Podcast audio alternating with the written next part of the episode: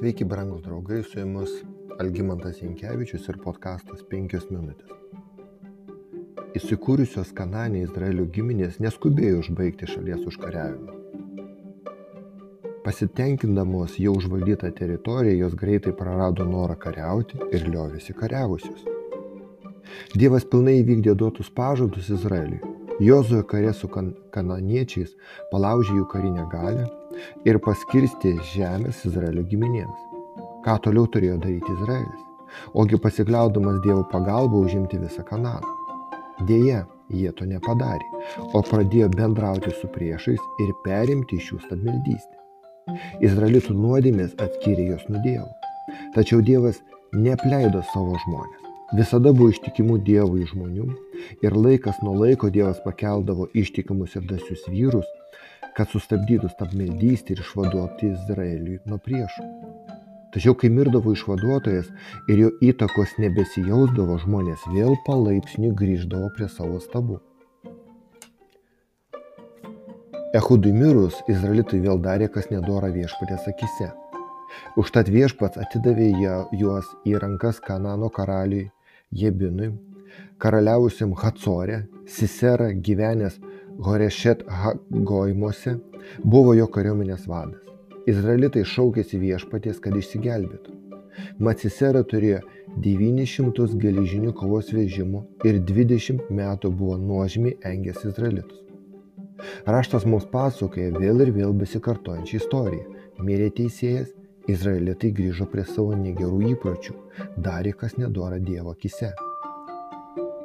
Jie pateko į Kanano karaliaus rankas ne todėl, kad jis buvo galingesnis, bet todėl, kad tokia buvo Dievo valia. Lapiduoto žmona Debora buvo pranašė. Tuo metu ji buvo Izraelio teisėja. Jis sėdėdavo po Deboros palmę tarp Ramos ir Betelio Fraimo aukštumose. Izraelitai eidavo pas ją į teismą. Ji pasižukė Ebi Naomo sūnų Baraką iš Kadešo Neftalį ir tarė jam, viešpats Izraelio Dievas sako tau, eik pasiimk iš Naftalio ir Zabulono dešimt tūkstančių vyrų ir žygiuok į Taboro kalną. Aš išvesiu Jebino kariuomenės vadą Siserą su jo kovos vežimais, bei kariauna tavęs pasitikti prie Kišono upės ir atiduosiu jį tau į rankas. Jums nepesigirdo ir aš nesuklydau. Dievas pasišaukė būti pranašu ir teisėjų moteriai. Mirjama, Debora, Hulda, Tai ne vienintelės moteris, kurias pasišaukė Dievas tarnystį ir kurios aprašytos Dievo žodyje. Ji žiūri į širdį ir jei tuo metu tinkamiausias asmo, kuris turėjo valdyti Izraelį, buvo Debora, Dievas ją ir pasirinko.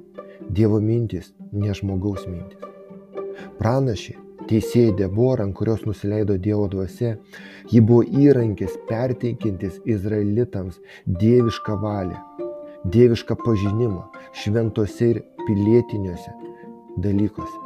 Jos vyras neturėjo jokios dalies tuose reikaluose, nors ji ir buvo jo žmona.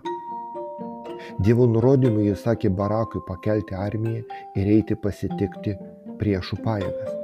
Barakas, vyriausias kariuomenės vadas, reikalavo jos buvimo kartu, kad moteris eitų kartu su vyru.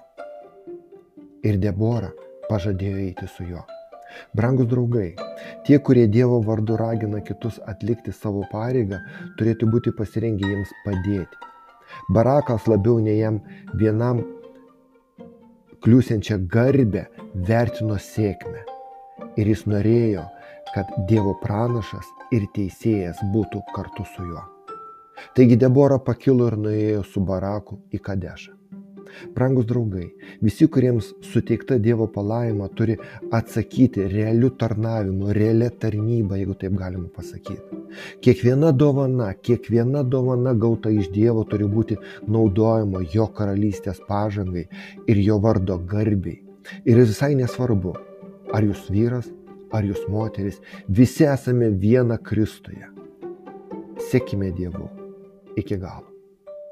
Su jumis buvo penkios minutės ir Algymantas Jankievičius.